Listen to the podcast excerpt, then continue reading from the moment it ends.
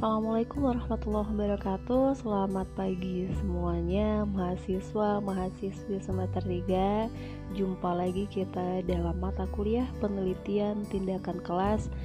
Jadi kali ini saya akan membahas beberapa hal penting Yang berhubungan dengan penelitian tindakan kelas itu sendiri. Mungkin dalam diskusi sebelumnya sudah dibahas beberapa materi yang berhubungan dengan penelitian tindakan kelas.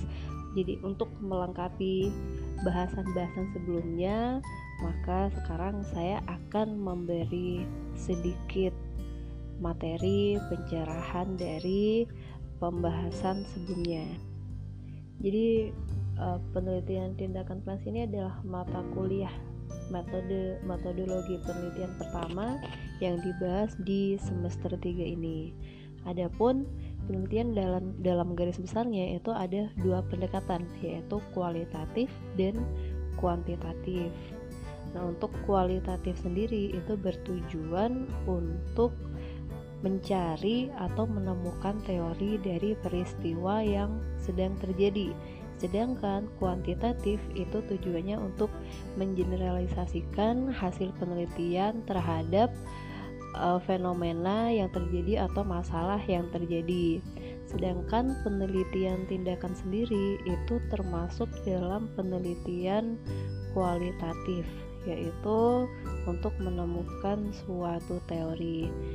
Hanya saja untuk pendekatan kualitatif itu masih ada bermacam-macam ada uh, pendekat penelitian deskriptif, kemudian penelitian tindakan dan lain sebagainya. Dalam penelitian secara umum itu terdapat empat langkah pokok metode ilmiah yang akan mendasari langkah-langkah penelitian. Yang pertama yaitu merumuskan masalah. Jadi semua penelitian itu harus ada perumusan masalah karena e, perumusan masalah ini yaitu mengajukan pertanyaan untuk dicari jawabannya. Nah, tanpa adanya masalah tidak akan terjadi penelitian karena penelitian itu dilakukan untuk memecahkan masalah dan rumusan masalah penelitian itu pada umumnya diajukan dalam bentuk pertanyaan. Jadi misalnya nanti ada yang menemukan uh, rumusan masalah yang tidak berbentuk pertanyaan itu tidak masalah. Karena uh, untuk bentuk pertanyaan ini hanya kebanyakan. Tetapi ada pula yang rumusan masalahnya tidak berbentuk pertanyaan hanya berbentuk kalimat saja suatu kalimat atau dua kalimat. Langkah dasar kedua itu ya adalah mengajukan hipotesis yaitu mengemukakan jawaban sementara yang masih bersifat dugaan atas pertanyaan yang diajukan sebelumnya.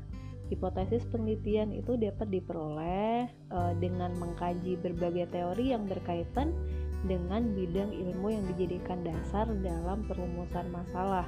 Jadi misalnya ingin membuat hipotesis dalam penelitian tindakan kelas yang di sana fokus terhadap peningkatan pembelajaran, maka teori-teori yang digunakan haruslah teori pendidikan dan teori yang relevan dengan penelitian. Kemudian yang ketiga adalah verifikasi data, yaitu mengumpulkan data secara empiris, kemudian mengolah dan menganalisis data untuk menguji kebenaran hipotesis. Karena hipotesis itu adalah dugaan sementara yang harus diuji apakah uh, hipotesis itu benar atau tidak, maka diadakanlah verifikasi data yang isinya nanti adalah menganalisis data, kemudian membahasnya. Kemudian eh, data-data ini yang akan menentukan apakah hipotesis yang kita susun itu sudah tepat ataukah ada sesuatu, ada faktor yang menyebabkan hipotesis kita ini tidak tepat. Kemudian yang terakhir, yang keempat itu adalah menarik kesimpulan yaitu menentukan jawaban-jawaban definitif atas setiap pertanyaan yang diajukan. E, bisa berupa menerima atau menolak hipotesis. Jadi hipotesis yang kita susun nanti itu ketika setelah selesai analisis data dan pembahasan itu ada dua kemungkinan. Kalau tidak ditolak ia diterima. Jadi hasil uji hipotesis adalah temuan penelitian atau hasil penelitian. Nah, temuan penelitian ini dibahas dan disintesiskan, kemudian disimpulkan. Untuk kesimpulan itu uh, yaitu jawaban dari rumusan masalah penelitian yang disusun dalam bentuk proposisi atau pernyataan yang telah teruji kebenarannya. Jadi, kesimpulan ini harus sesuai dengan rumusan masalah yang telah disusun sebelumnya. Nah, sebelum masuk pada pembahasan penelitian tindakan kelas, maka ada beberapa hal yang perlu diperhatikan. Karena penelitian tindakan kelas sendiri itu uh, berhubungan dengan kualitas pembelajaran yang ada di kelas, maka hal pertama yang harus diperhatikan oleh guru adalah kualitas pembelajaran. Kualitas pembelajaran di sini dapat dilihat pada dua sisi, yaitu sisi proses dan sisi hasil belajar. Pada sisi pro proses, itu belajar berkaitan dengan pola perilaku siswa dalam mempelajari bahan pelajaran. Bagaimana siswa memperlakukan materi tersebut, bagaimana siswa menerima materi tersebut sehingga menjadi materi yang bisa berguna bagi dirinya, maka ini adalah kualitas pembelajaran dari sisi proses. Kemudian yang kedua adalah sisi hasil belajar. Nah, untuk hasil belajar itu berkaitan dengan perubahan perilaku yang diperoleh sebagai pengaruh dari proses belajar. Ketika siswa belajar tentang suatu materi, kemudian mendapatkan pengetahuan baru dan pengetahuan baru itu dapat dimanfaatkan dalam kehidupan sehari-hari, maka kualitas pembelajaran dari sisi hasil pembelajaran itu telah didapatkan atau telah berhasil. Kemudian apa sih kriteria keberhasilan hasil uh, kriteria keberhasilan belajar itu? Jadi, manakala kriteria keberhasilan belajar siswa itu diukur dari seberapa banyak materi pelajaran yang dapat dikuasai, dikuasai siswa itu akan sangat berbeda ketika proses belajar yang dilakukan dengan kriteria keberhasilan itu ditentukan oleh sejauh mana siswa dapat memanfaatkan potensi otaknya untuk memecahkan suatu persoalan.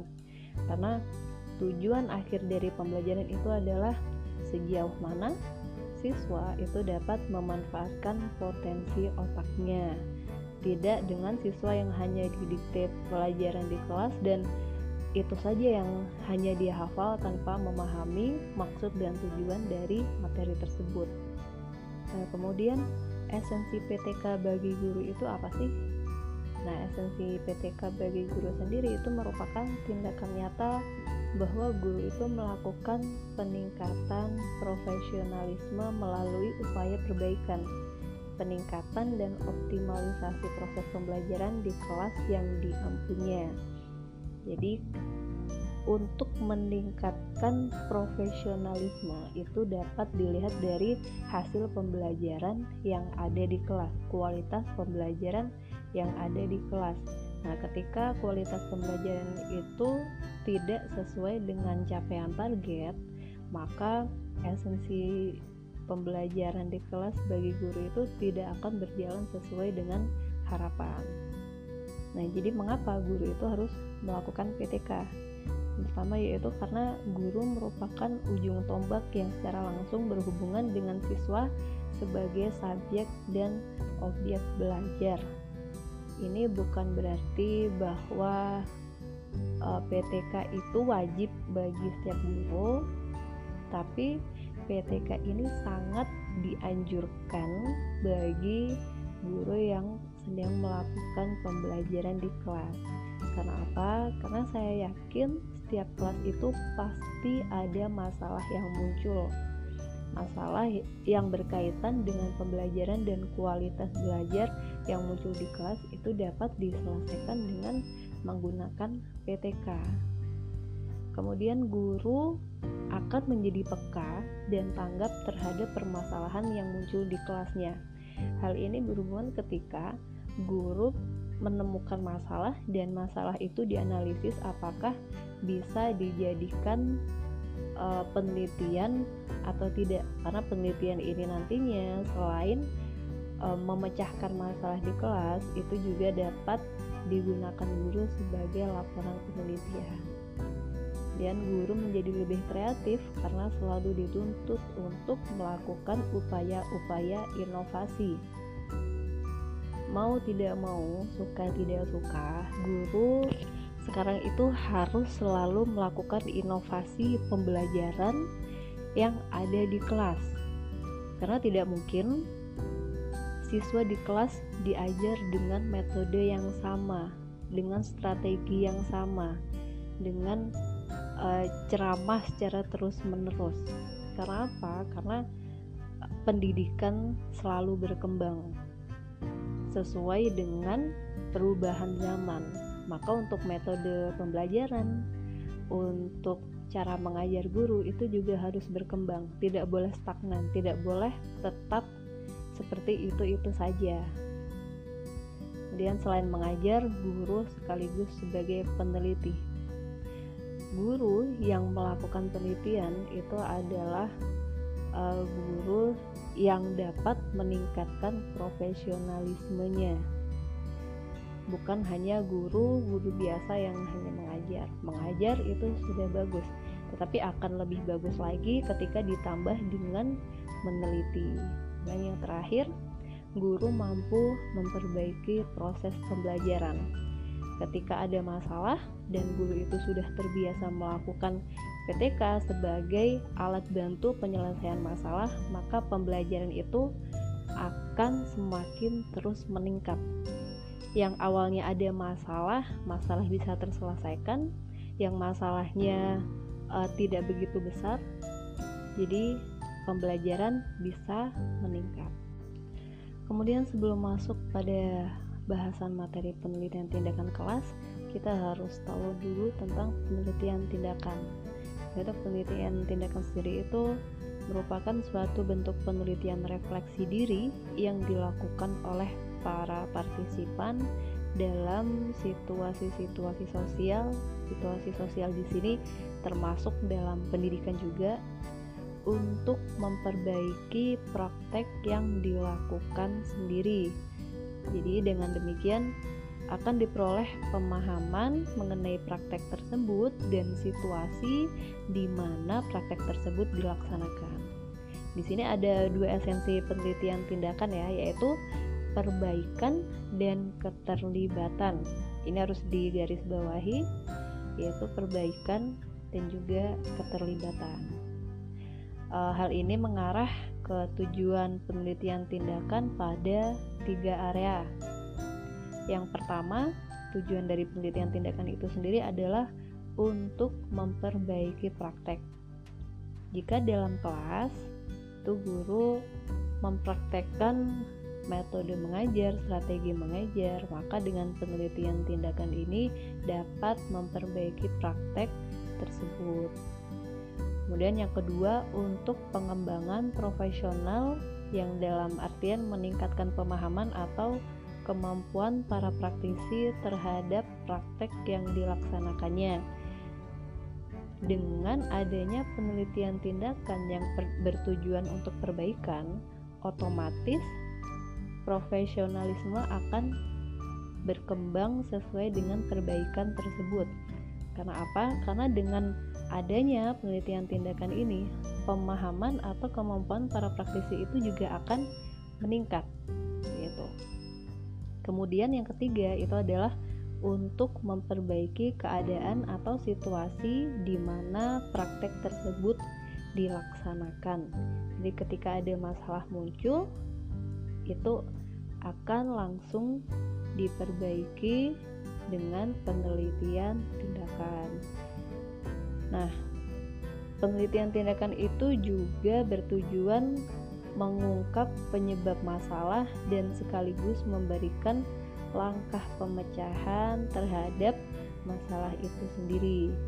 Nah, langkah-langkah pokok yang ditempuh akan membentuk suatu siklus sampai dirasakannya ada suatu perbaikan.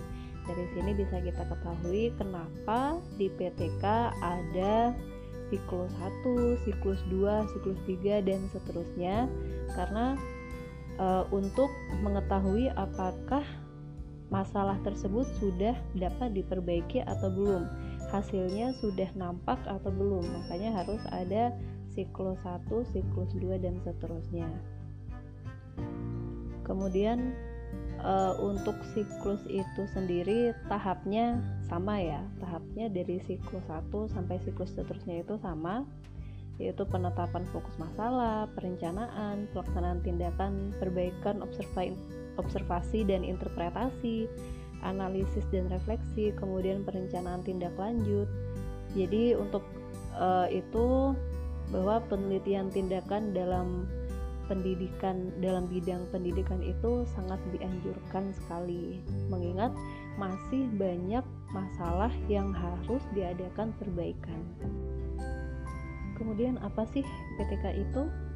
PTK atau penelitian tindakan kelas itu berkaitan erat dengan persoalan praktek pembelajaran sehari-hari yang dihadapi oleh guru penelitian tindakan kelas ini adalah uh, satu bentuk penelitian yang bersifat reflektif dengan melakukan tindakan-tindakan tertentu agar dapat memperbaiki atau meningkatkan praktik-praktik pembelajaran di kelas secara secara lebih profesional. Jadi PTK itu berupaya meningkatkan dan mengembangkan profesionalisme guru dalam menunaikan tugasnya. Adapun tujuan dari PTK itu sendiri yaitu memperbaiki dan meningkatkan kualitas isi, masukan, proses dan hasil pembelajaran. Perlu diingat kembali, cakupan PTK adalah dalam satu kelas itu sendiri. Karena kalau misalnya untuk penelitian yang lebih luas atau penelitian yang menyangkut sekolah, itu ada yang namanya PTS atau penelitian tindakan sekolah untuk PTK itu adalah yang ada di dalam kelas itu sendiri. Kemudian tujuan selanjutnya adalah menumbuh kembangkan budaya meneliti para pendidik agar lebih proaktif mencari solusi terhadap masalah pembelajaran. Penyelesaian itu penyelesaian atau uh, penelitian pembelajaran itu akan semakin berkembang sesuai dengan masalah yang muncul. Jadi ketika semakin bervariasi masalah yang muncul, penyelesaian dan penelitian itu juga akan semakin beragam. Karena untuk munculnya suatu inovasi pembelajaran, strategi baru, metode baru itu dapat diawali dengan adanya masalah yang muncul di kelas. Kemudian yang ketiga, menumbuhkan dan meningkatkan produktivitas meneliti para pendidik khususnya dalam mencari solusi masalah-masalah pembelajaran. Terus untuk tujuan terakhir yaitu meningkatkan kolaborasi antar pendidik dalam memecahkan masalah pembelajaran. Karena PTK sendiri itu bersifat kolaboratif dalam artian tidak harus guru itu sendiri yang melakukan penelitian, maka penelitian itu dapat dilakukan oleh peneliti lain atau guru yang bersangkutan yang berkolaborasi dengan guru lain atau uh, orang lain yang berhubungan dengan penelitian tersebut. Misalnya di kelas tersebut si guru ada masalah yang berhubungan dengan membaca dan perpustakaan. Maka guru tersebut dapat berkolaborasi dengan orang-orang yang ada di perpustakaan. Nah, apakah peneliti lain atau orang lain dapat melakukan PTK?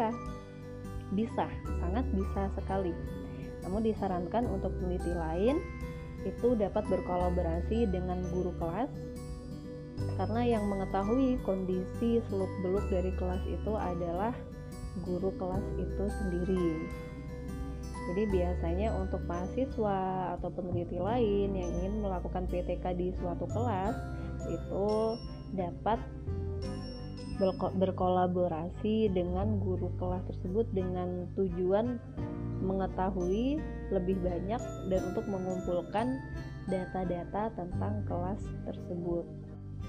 Adapun prinsip dasar dari PTK itu yang pertama berkelanjutan. Jadi PTK adalah upaya yang berkelanjutan secara siklustis. Seperti yang sudah saya jelaskan tadi bahwa pada penelitian tindakan itu pasti ada siklus. Karena ketika hanya satu siklus saja dilakukan itu terkadang peneliti tidak dapat mengetahui apakah masalah itu dapat terselesaikan ataukah dapat e, ada peningkatan ataukah ada perubahan terhadap masalah yang terjadi. Jadi selain untuk menyelesaikan atau mengadakan perbaikan, siklus ini juga digunakan untuk pembanding dari sebelum dilakukan tindakan dan setelah dilakukan tindakan. Kemudian prinsip yang kedua adalah integral. PTK merupakan bagian integral dari pembelajaran. Karena PTK itu adalah bagian dari pembelajaran, maka masalah-masalah yang akan diadakan perbaikan harus muncul dari pembelajaran itu sendiri. Pembelajaran yang bersifat holistik atau menyeluruh. Jadi tidak bisa kalau misalnya uh, ada masalah di kelas itu yang hanya melibatkan satu siswa dan itu uh, tidak berpengaruh terhadap pembelajaran itu biasanya tidak dilakukan PTK dalam kasus itu karena untuk PTK sendiri itu adalah masalah yang mempengaruhi pembelajaran secara keseluruhan untuk prinsip dasar yang ketiga ilmiah. Diagnosis masalah itu bersandar pada kejadian nyata. Jadi tidak dibuat-buat tidak dikarang. Jadi masalah itu ada dan dapat diselesaikan dengan PTK prinsip yang keempat adalah motivasi. Untuk memperbaiki kualitas harus tumbuh dari dalam. Jadi untuk penelitian ini itu bisa sebagai motivasi dalam memperbaiki proses pembelajaran di kelas kemudian lingkup masalah tidak dibatasi pada masalah pembelajaran di dalam dan di luar kelas. Karena untuk definisi kelas sendiri itu adalah uh, kumpulan suatu kumpulan siswa yang ada gurunya di situ. Jadi tidak tidak terbatas kelas itu harus di dalam ruang kelas. Jadi ketika melakukan pembelajaran di luar kelas itu juga bisa disebut dengan kelas. Kemudian apa saja bidang garapan dari PTK? Yang pertama yaitu metode mengajar, ada strategi belajar, bisa model pembelajaran, prosedur evaluasi, perubahan sikap dan nilai, media pembelajaran, lingkungan belajar atau setting, materi pembelajaran dan juga kurikulum. Yang pasti masalah-masalah ini juga sejalan dengan visi dan misi dari sekolah. Kemudian bagaimana perbandingan PTK dengan penelitian lain? Yaitu dari dimensi motivasi untuk PTK sendiri itu adalah tindakan. Sedangkan penelitian formal itu adalah kebenaran. Yang dimaksudkan di sini adalah PTK itu adanya tindakan untuk melakukan perbaikan kepada masalah tersebut. Sedangkan penelitian lain itu mengungkap kebenaran dari masalah itu tanpa adanya tindakan. Jadi kalau PTK itu setelah ada masalah kemudian dilakukan tindakan e, sampai adanya siklus. Kalau penelitian lain itu ada masalah sehingga diteliti kalau misalnya sudah diketahui atau sudah ditemukan kebenaran dari masalah tersebut maka berhenti sampai di situ. Kemudian dimensi yang kedua adalah sumber masalah. Sumber masalah pada PTK itu dirasakan dan disadari oleh peneliti itu sendiri karena yang akan melakukan perbaikan adalah peneliti itu sendiri maka masalah yang muncul itu dapat dirasakan oleh peneliti itu sendiri. Kemudian kalau penelitian lain atau penelitian formal itu masalah biasanya dari hasil pengamatan orang lain dalam artian ketika ada masalah di suatu tempat, kemudian si peneliti ingin meneliti di tempat itu, maka masalah yang muncul itu sebenarnya bukan dirasakan peneliti, tapi adanya masalah di tempat itu yang uh, akan diteliti oleh peneliti tersebut. Kemudian pada dimensi tujuan Tujuan PTK adalah mengembangkan praktis pembelajaran dan peningkatan serta perbaikan. Sedangkan penelitian formal tujuannya adalah verifikasi dan menemukan pengetahuan yang dapat digeneralisasikan dan juga menguji hipotesis. Jadi ini perbedaan dari tujuannya. Dan pada keterlibatan peneliti PTK itu biasanya dilakukan oleh orang dalam karena tujuannya itu tadi yaitu melakukan perbaikan. Maka yang tahu masalahnya adalah orang dalam yang melakukan tindakan adalah orang dalam. Kemudian untuk penelitian lain itu biasanya dilakukan oleh orang lain. Kemudian dimensi sampel. Sampel pada PTK itu kasus khusus. Jadi misalnya dalam satu sekolah itu ada kelas e, paralel misalnya ada kelas 3 A B C itu ketika yang muncul itu di kelas E maka yang diteliti hanya di kelas E saja karena itu tidak bersifat general. Karena belum tentu ketika satu masalah muncul di kelas E itu di kelas lainnya juga muncul masalah serupa seperti itu. Maka untuk sampelnya pada PTK itu adalah kasus khusus kemudian untuk penelitian lain itu representatif misalnya ketika akan meneliti tentang kinerja dalam suatu pabrik maka untuk meneliti atau mengobservasi itu bersifat representatif yang dilakukan secara menyeluruh dengan mengambil sampel tertentu. Misalnya di uh, di bagian atas, bagian tengah dan bagian bawah. Jadi tidak tidak semuanya diteliti secara menyeluruh karena itu akan membuang waktu. Lalu dari dimensi tafsiran temuan, tafsiran temuan pada PTK itu memahami praktis melalui refleksi dan penteorian oleh praktisi.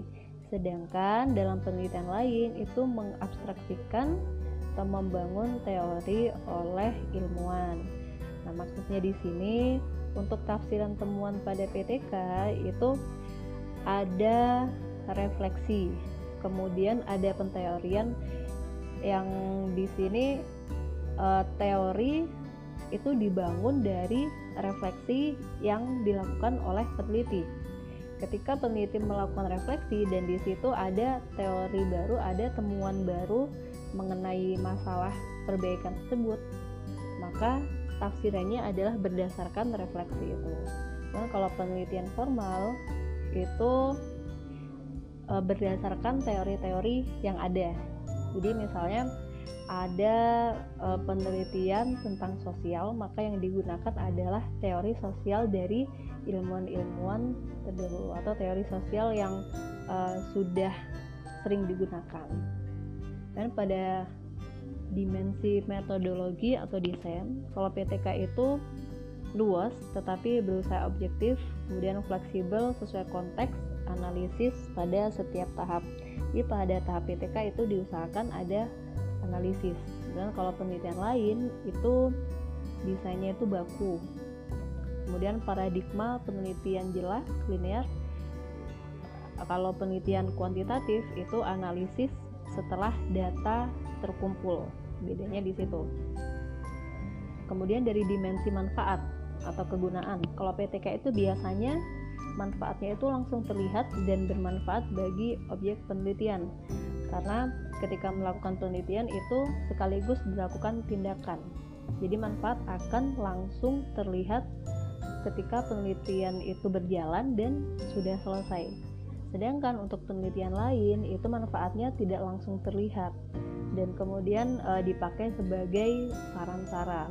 Jadi misalnya ada satu penelitian formal itu menemukan satu teori. Nah, teori ini tidak akan langsung bisa terlihat seketika itu juga mungkin membutuhkan beberapa waktu dan kemudian teori ini dijadikan sebagai saran-saran atau referensi bagi eh, masalah-masalah uh, yang serupa. Kemudian teori dalam PTK itu dipakai sebagai dasar memilih dan menentukan aksi atau solusi tindakan. Sedangkan pada penelitian lain itu teori dijadikan sebagai dasar perumusan hipotesis atau pertanyaan penelitian. Nah, mungkin itu adalah perbandingan PTK dengan penelitian lain. Jadi cukup sekian untuk materi kali ini. Semoga bermanfaat. Wassalamualaikum warahmatullahi wabarakatuh.